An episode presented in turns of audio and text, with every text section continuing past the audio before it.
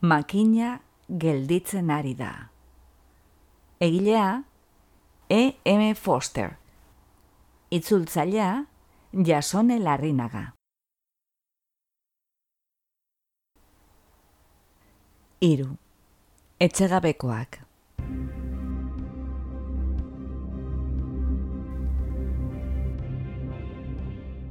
Kunoren barra baskeriaren ondorengo urteetan, makinan garapen garrantzitsu bi gertatu ziren.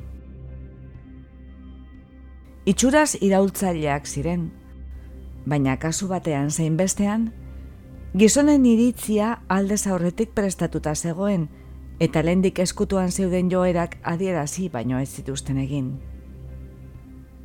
Lehena, arnazgailuak kentzea izan zen. Pentsalari aurreratuek, bastiren modukoek, beti uste izan zuten tontakeri handia zela lurraren azala bizitatzea. Aire ontziak beharrezkoak izan zitezken, baina zertarako irten jakin minutzez eta kilometro bat edo bitan lehorreko motor batean arrastaka ibili. Oitura sakarra zen, eta gian apur bat itxusia. Ez zuen ideiarik sortzen, eta ez zeukan loturarik benetan garrantzitsuak ziren oiturekin. Beraz, arnazgailuak indargabetu egin ziren, eta haiekin batera, jakina, lurreko motorrak, eta irakasle batzuk izan ezik, kexu baitziren beren ikerketen gaietara heltzea debekatu zietelako, garapena patxada sonartu zen. Oraindik lurra nolakoa zen jakin nahi zutenek, gramofono bat entzun edo zinemargazkiren bat ikusi besterik ez zuten. Eta erakasleek ere amore eman zuten, ikusi zutenean itsasoari buruzko itzaldi bat etzela txarragoa gai berari buruz emandako beste itzaldi batzuetatik biltzen zenean. Kontuz, lehen mailako ideiekin esaten zuen haietatik aurreratunetako batek. Lehen eskuko ideiak ez dira existitzen. Maitasunak eta beldurrak eragindako impresio fizikoa besterik ez dira, eta oinarri santar horretan norkeraik dezake filosofia bat. Izan bitez zuen ideiak bigarren eskukoak, eta ari izan ezkero, amargarren eskukoak, Orduan oso urrun egongo baitira elementu asaldagarria den zuzeneko beaketatik. Ez ikasi ezer nire gai honi buruz, Frantziako irautza. Horren urdez, ikasi zer uste dudan, enikarmonek uste zuela, eta ark ze uste zuen, uri zek uste zuela, eta ark zer uste zuen, gatxek uste zuela, Eta ark ze pentsatzen zuen hoiunkek uste zuela, eta ark ze uste zuen xibon zigek pentsatu zuela. Eta ark zer uste zuen lafkadio hornek uste zuela, eta ark zer pentsatzen zuen karrailek pentsatu zuela. Eta ark zer uste zuen mirabok frantziako irautzari buruz esan zuela. Amar buru bikain horien bitartez, Parisen isuritako odolak eta Bersailesen hautsi ziren lehioek, zuen eguneroko bizitzan probetxo handiz erabilia izango du zuen ideian asaltuko dira. Baina ziurtatu, bitartekariak asko eta askotarikoak direla. Historian autoritate bat beste bati kontra egiteko existitzen baita. Uri izenek, Ho jongen eta enikarmonen eseptizismoa ahuldu behar du. Eta nik neok, gatsen oldarkortasunari aurre egin behar diot. Entzuten didazuen horiek, zuek, ni baino beto zaudete Frantziako irautzari buruzko epaia emateko. Zuen ondorengoak, zuek baino egoera hobean egongo dira nik ze uste dudan pentsatzen duzuena ikasiko baitute. eta beste bitartekari bat gehituko zaio kateari. Eta denborarekin ahotsa altzatu zuen. Belaunaldi bat etorriko da, gertakarietatik arago, impresioetatik arago joan dena. Belaunaldi erabat kolore gabekoa. Belaunaldi bat serafiko libre nortasunaren orbanetik. Frantziako irautza ez duena ikusiko gertatu zen bezala, ez eurek nahiko zuketen bezala, baizik eta gertatuko zateke moduan makinaren garaian gertatu izan balitz. Txalo ikaragarriak entzun ziren itzaldi hartan eta horrek gizonen gogoan ostenduta zegoen sentimendu bat agertu baizik etzuen egin. Lurreko egitatei entzungor egin behar zitzaielako sentsazioa, eta arnazgailuak esabatzea lorpen positiboa zelakoa. Aire ontziak kendu beharko lidatekela ere proposatu zen. Hori etzen egin, aire ontziak makinaren sisteman sartuta zeudelako nolabait baina urte zurte gero eta gutxiago erabiltzen ziren, eta gero eta gutxiago aipatzen zituzten gizon gogo eta txuek. Bigarren garapen handia, erligioa berriro esartzea izan zen. Hori ere itzaldi entzutetsu hartan adierazi zen.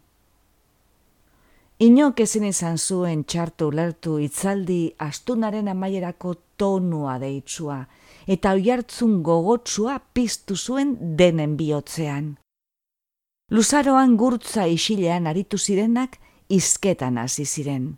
Makinaren liburua eskuetan zeukatenean sortzen zitzaien bake sentsazio bitxia deskribatzen zuten. Hango zenbaki jakin batzuk errepikatzeko plazera, naiz eta zenbakiok esan nahi eskasa eraman kanpo belarrira. Botoi bat ukitzeko estasia.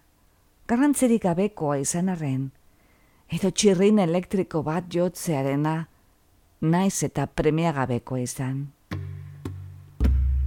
Maginak esaten zuten, jaten ematen digu, jantzi egiten gaitu, eta etxea ematen digu. Bere bitartez hitz egiten diogu elkarri, bere bitartez elkarri ikusten dugu hartan daukagu gure izatea. Makina ideien laguna eta zinezkeriaren etzaia da. Makina, ahal guztiduna da, beti erekoa, berein katua da makina.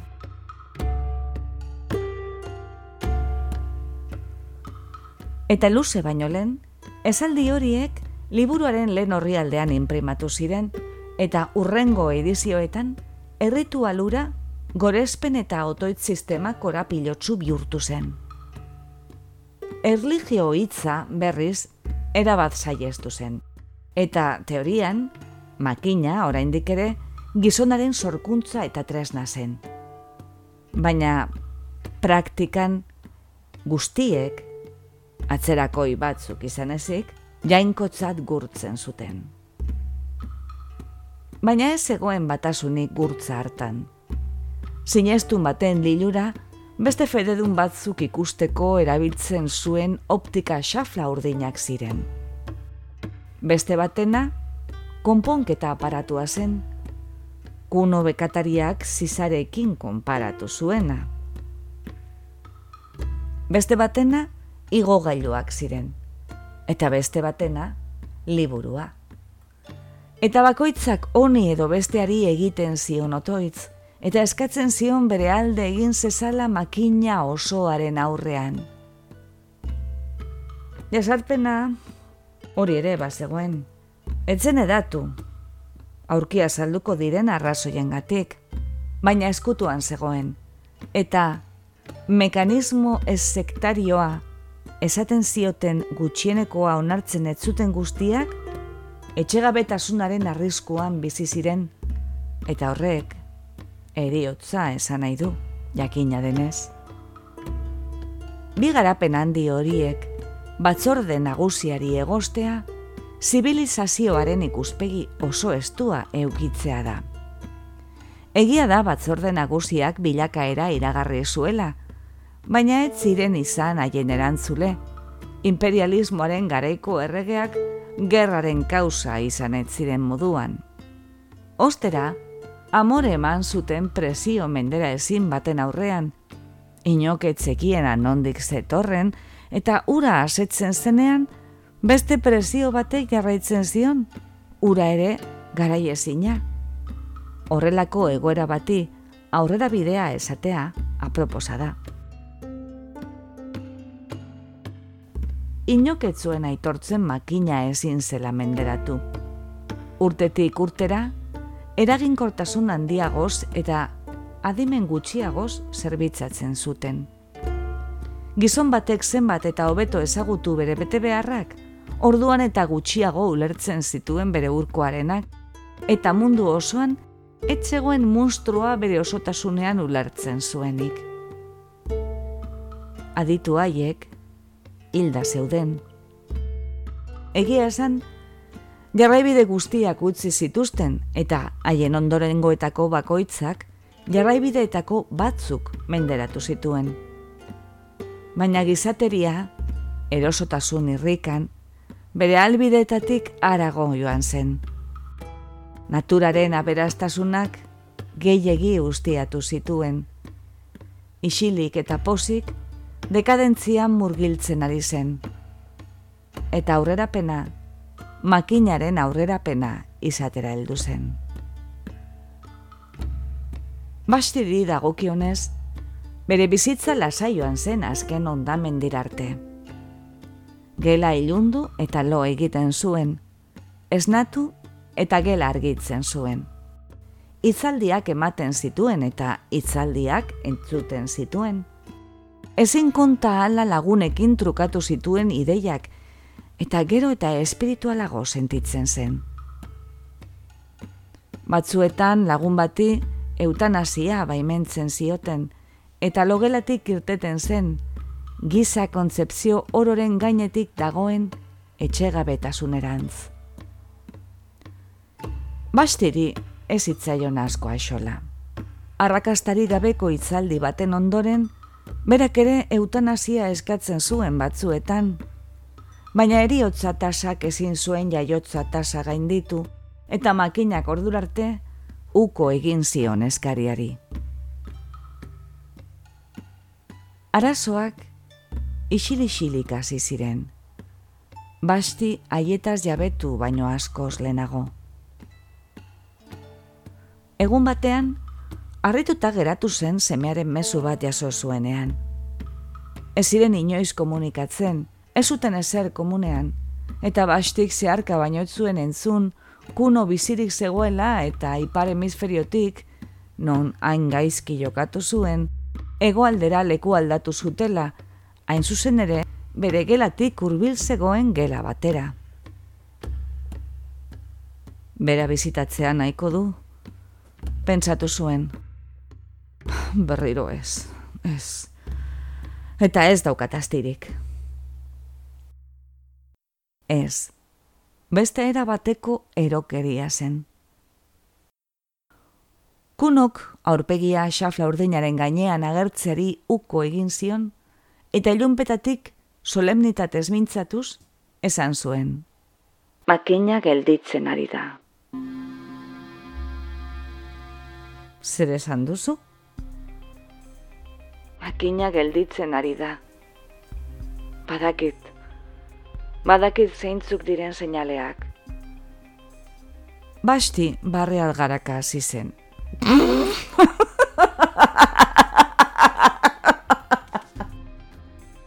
Kuno kentzun eta zerretu egin zen, eta ez zuten gehiago berbarik egin. Imaginatzen alduzu, gauza absurduagorik, esan zion bastik lagun bati. Nire semea zen gizon batek uste du, makinak gelditzen ari dela. Erligio gabea litzateke erokeria espalitz. makina gelditzen ari da? Erantzun zion lagunak. Zer esan nahi du horrek? Esaldiak ez du esan nahirik niretzat. niretzat ere ez. Ez da musikarekin azken aldian izan diren arazoi buruzari, ez da? Ah, ez, ez, ez, jakina. Egin dezagun berba musikari buruz. Jarri diezu kexa agintariei? Bai, eta konpondu egin behar dela diote, eta konponketa aparatuaren batzordera jo behar dudala esan didate. Brisbeneko eskolako sinfoniak itxura gabetzen dituzten asperen bitxi eta kirrinkari eskexo nintzen. Oinazetan dagoen pertsona baten antza dute. Konponketa aparatuaren batzordeak dio, lastera tonduko dutela. Oso kezkaturik, berriro ekin zion bere bizitzari. Azteko, musikaren akatsak sumindu egiten zuen. Bestalde, ezin zituen kunoren hitzak ahaztu. Musika ez egoela konponduta jaken izan balu, ezen esango zukeen jakin zeren eta musika gorrotatzen baitzuen. Gaizki zebilela jaken izan balu, makina gelditzen ari da, zen berak egingo zuken komentario iraingarria. Mentura egin zuen, noski, baina koinzidentzia horrek amorrarazi egin zuen basti, eta nolabaiteko lotxagabekeria azitze egin zion konponketa aparatuaren batzordeari. Lehen bezala, akatsa laster konponduko zutela erantzun zioten. Laster, bere ala, erantzun zuen bastik. Zergatik eskatu behar dut musika kastunarekin. Gauzak beti konpontzen dira bere ala. Bere ala konpontzen ez baduzue, batzorde nagusiaren aurrean kexatuko naiz. Batzorde nagusiak ez du kexa pertsonalik jasotzen. Erantzun zuen konponketa aparatuaren batzordeak. Noren bitartez egin behar dut kexa orduan? Gure bitartez.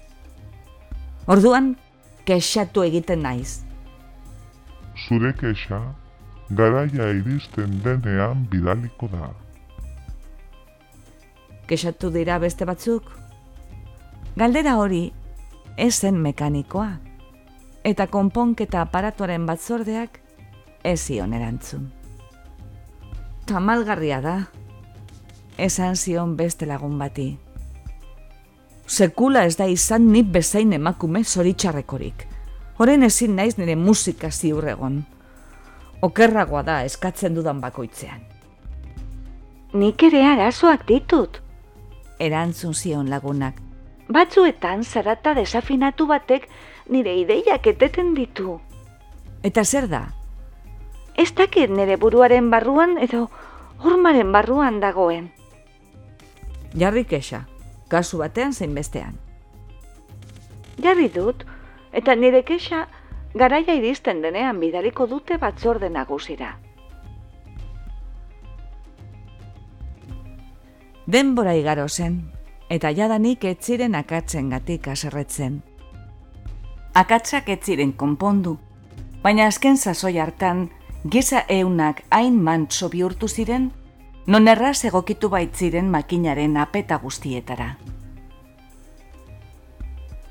Brisbane Sinfoniaren une goreneko asperenak ez zuen basti gehiago sumintzen. Melodiaren parte zela onartu zuen. Zarata desafinatuak, buruan naiz orman egon, ez zuen bere laguna gehiago sumindu. Eta gauza bera, lizundutako fruta artifizialarekin, kiratza zerion baino urarekin, eta poesia makinak isuritako errima akastunekin. Hasieran kexa gogorra jarri ziren. Gero amore eman eta asturik geratu ziren. Gauzak txarretik okerra gora zioa zen. Desafiorik gabe.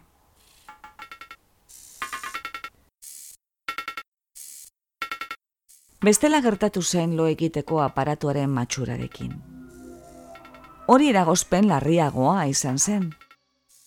Egun bat iritsi zen mundu osoan, Sumatran, Wessexen, Kurlandiako eta Brasileko ezin konta ala iritan, oeak, beren jabe nekatuek deiturik, ez ziren agertzen.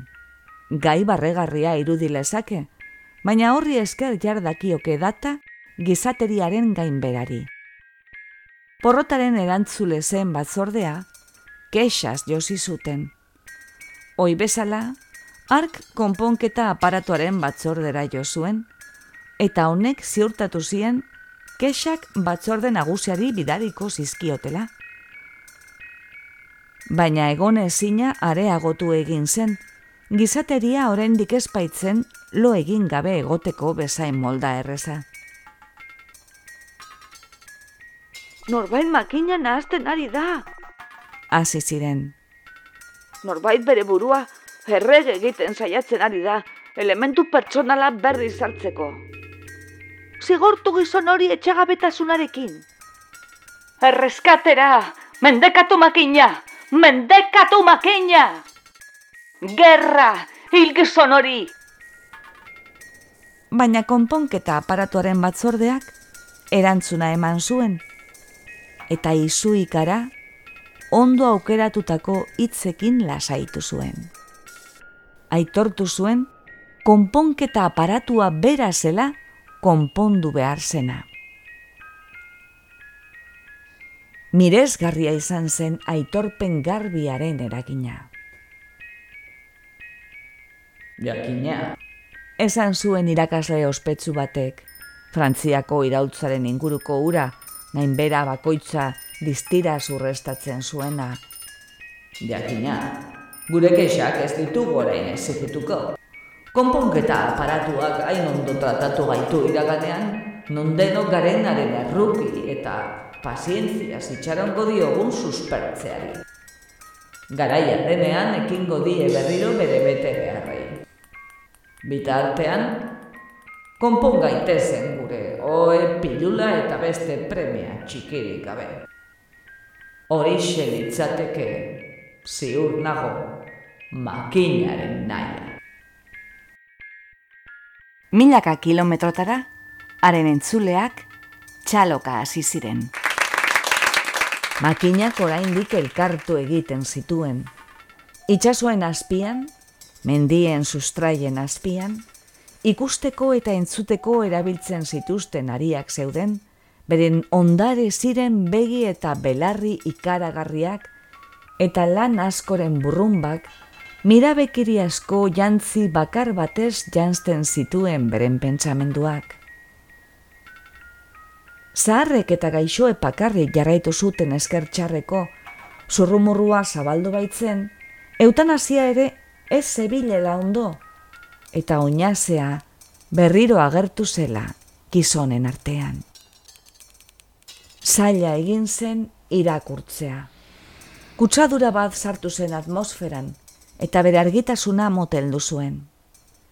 Batzuetan, bastik nekez ikusten zuen bere gelaren alde batetik bestera. Airea ere, nazkagarria zen. Ozenak izan ziren kexak, almenik gabekoak erremedioak. Eroikoa izan zen islariaren doinua, oiukatzen zuen bitartean. Adorea! Adorea! Zea xola dio makina da bilen bitartea. Arentzat, iluntasuna eta argia bat dira.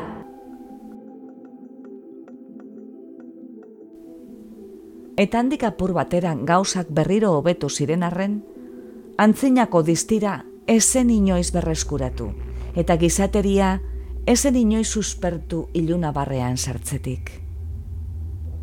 Neurriei buruzko eta behin-behineko diktadura bati buruzko izketa histeriko bat izan zen, eta Sumatrako biztanlei eskatu zitzaien zentral elektriko nagusiaren funtzionatzeko moduarekin ohitzeko, aipatutako zentral elektrikoa Frantzian zegoelarik.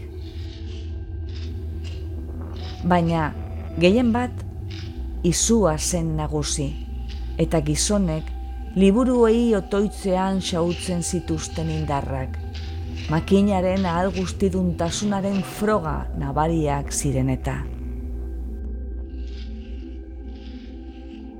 Izua mailakatu egin zen.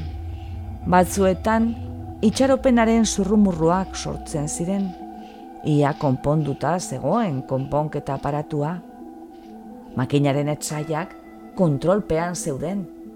Nerbiogune berri berriak sortzen ari ziren, Lana lehen baino askoz ere bikainago egingo zutenak.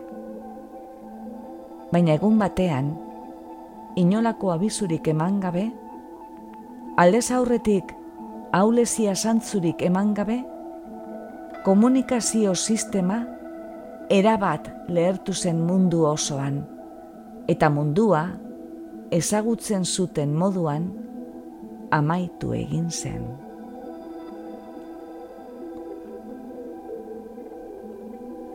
Basti itzaldi bat ematen ari zen une horretan, eta hasierako azalpenak txalos jaso zituzten. Aurrera jarraitu zuenean, entzuleak isildu egin ziren, eta azkenean ezen zaratarik entzuten.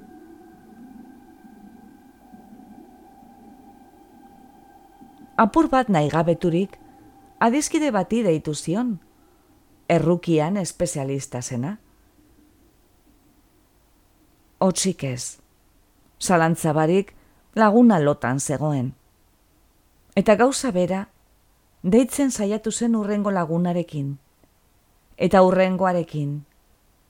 Kunoren ohar kriptikoa gogoratu zuen arte. Makina gelditzen ari da. Esaldiak ez zuen oraindik ezer adierazten betierekotasuna gelditzen ari bazen, laster abiatuko zen berriro. Adibidez, oraindik argi eta aire pixka bat zegoen, ordu batzuk lehenago eguratzak obera egin zuen. Han zegoen liburua, eta liburua han zegoen bitartean, segurtasuna zegoen.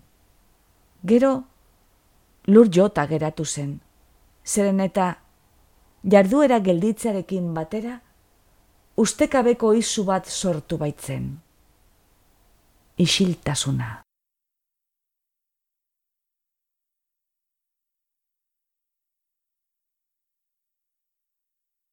Inoiz ez zuen isiltasuna ezagutu, eta ura etortzeak ia hile egin zuen. Izan ere, milaka eta milaka pertsona hil zituen. Jaio zenetik, Etenik gabeko urruma da singuratua egon zen. Biriketarako aire artifiziala nola, durundia belarrirako ala, eta oinaz mingarriek burua zeharkatu zioten. Eta zer egiten ari zenia ezekiela, aurrera egin zuen estropezuka, eta inoz erabili gabeko botoiari zakatu zion, gelako atea irekitzen zuen ura. Gelako atea, banda simple batekin zebilen. Ez egoen zentral elektrikoarekin lotuta, urruneko frantzian hiltzen ari zen ura. Zabaldu egin zen, basteren baitan itxaropen neurrigabeak piztuz, makina konponduta zegoela pentsatu baitzuen. Zabaldu egin zen, eta askatasunerantz kiribiltzen zen tunel iluna ikusi zuen begiratu bat eman, eta atzera egin zuen. Izan ere, tunela jendez gainezka zegoen, bera izan zen hiri hartan larritu zen ia azkena. Jendeak gorroto zuen oroar, eta pertsona haiek bere ametxiko kernetako amez gaiztoak ziren. Jendea, arrastaka zebilen, karrasika, haieneka, arnaz estuka, elkarrukitzen, ilunpetan desagertzen eta lantzean behin, holtzatik bera bultzatuta erortzen ziren errail elektrifikatuetara. Batzuk, txirrin elektrikoen inguruan ari ziren borrokan, deitu ezin ziren trenei dei egin nahian. Beste batzuk oiuka ari ziren eutanasia eskatzeko edo arnazgailuak eskatzeko, edo makinaren aurka birauka ari ziren beste batzuk geletako ateetan zeuden, bera bezala, bertan gelditzeko edo alde egiteko beldurrez.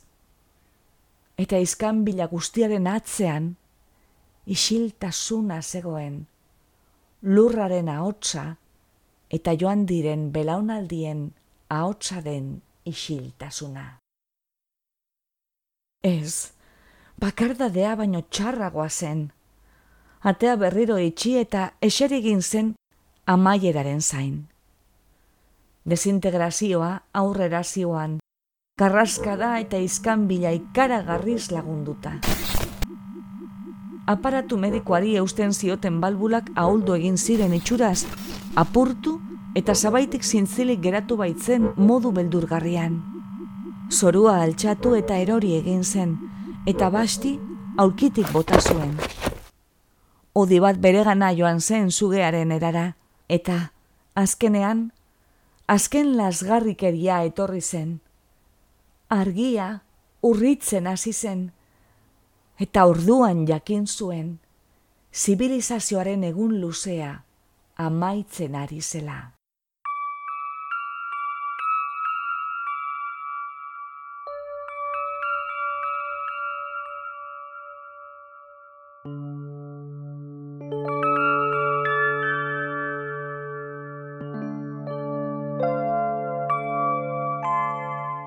Gira biraka ibili zen. Artatik salbaz esaten otoitz eginez, nola nahi ere, liburuari musu emanez, botoi guztiak banan-banan sakatuz. Kanpoko izkanbila gero handiagoa zen, eta horman barrena ere sartzen zen. Astiro, gelaren distira moteldo egin zen. Islak ezabatu egin ziren metalesko etengailuetatik. Orain ez zuen irakurketa maia ikusten, ez liburua, naiz eta eskuan neuki. Argia, soinuaren iesaren atzetik etorri zen. Airea, argiaren atzetik zebilen. Eta jatorrizko utsunea, aspaldi baztertua izan zen aitzulora itzuli zen. Bastik, jira biraka jarraitu zuen, antzinako erligio bateko feredunek bezala, garrasika erresatzen, botoiak esku odolestatu ez sakatzen.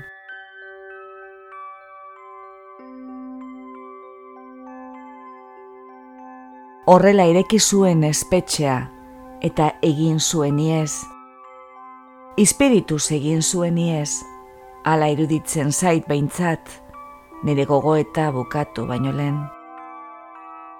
Gorputzez iez egin duela, ezin dut hori antzeman.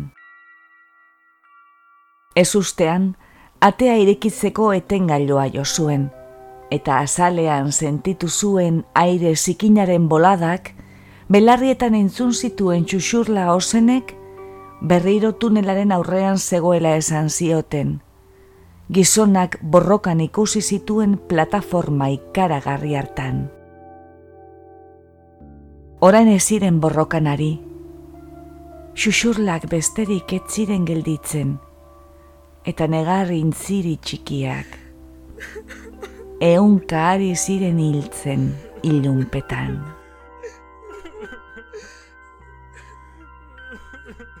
negarrez hasi zen. Malkoek erantzun zioten. Gizateriagatik egiten zuten negar, biaiek, ez euren buruen gatik. Ezin zuten jasan ura izatea amaiera. Isiltasuna erabatekoa izan baino lehen, bihotza zabaldu zitzaien. Eta lurrean zer izan zen garrantzitzua jakin zuten. Gizona, aragi ororen lorea, izaki ikusgai guztien artean noblena, noizbait jainkoa bere irudira egin zuena, eta bere indarra konstelazioetan islatu zuen gizona, gizone der biluzia. Hiltzen ari zen. Eundu zituen jantzietan itota. Mendez mende lan egin zuen, eta ona hemen bere zaria. Egia esan, Jantziak zerutiarra zirudien hasieran, kulturaren kolorez betea, pairamenaren ariz josia, eta zerutiarra izan zen, jantzia eta ez besterik izan zen bitartean, gizonak nahi zuenean kendu zezakeen, eta bere harima den esentziatik, eta bere gorputza, ura ere jainkoskoa, den esentziatik bizi zitekeen.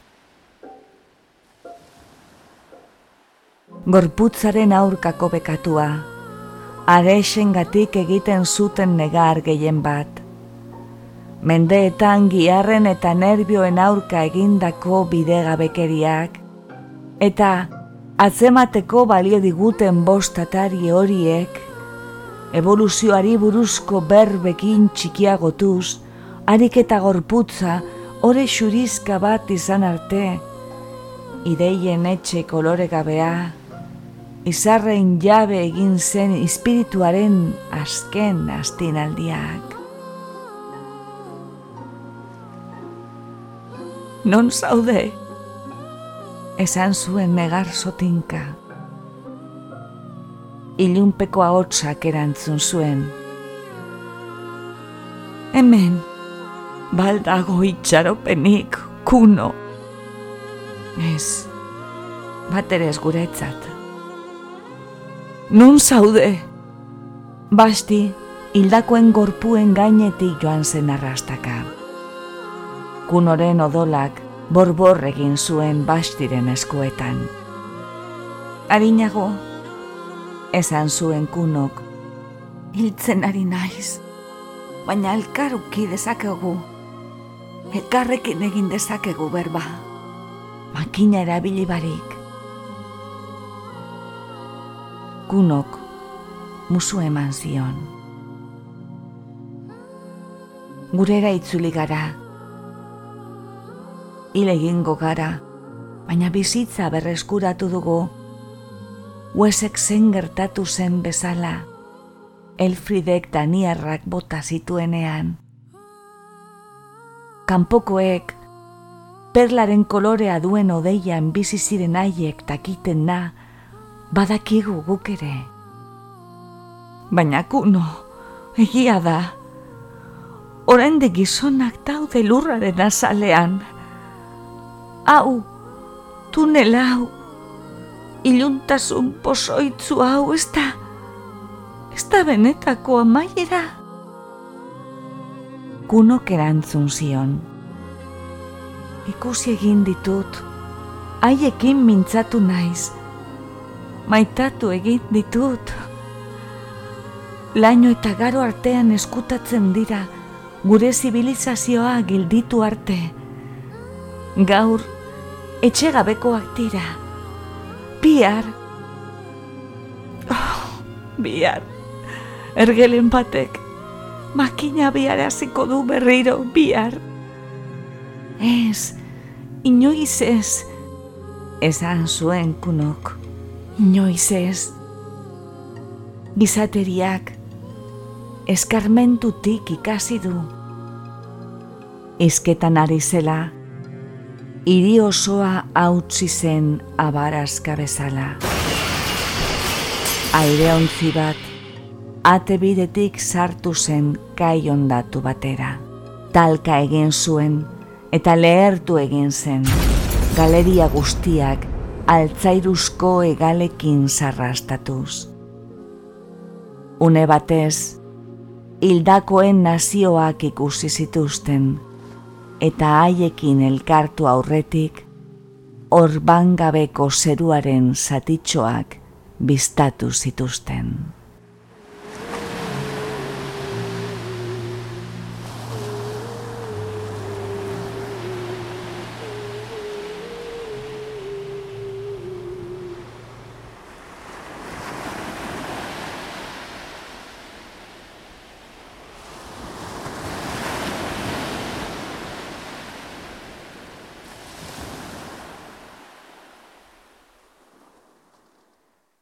Entzun duzu, makina gelditzen ari da.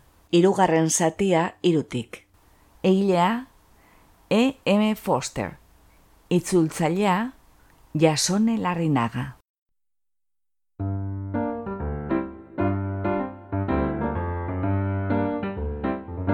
Xerezaderen artxiboko atal bat entzun duzu. Gure doinua da Charleston Behind the Attic Door, Dance of the Wind taldearena. Bizitatu gure bloga, gure audioak deskargatzeko edo online entzuteko. irubebikoitz.xerezade.org Xerezade, isaz idazten da gogoratu. Eta ez haztu iruzkinak ustea. Podcast hau egiten dugu jasone larrinagak eta Ana Moralesek leioan eta mungian. Xerezaderen artxiboko atal guztiak emititzen dira Bilbo iria irratian eta arrosa zarean. Mila esker gurera hurbiltzeagatik, gustora egon bazara, erdu urrengo batean ostera ere, xerezaderen artxibora. Laster arte!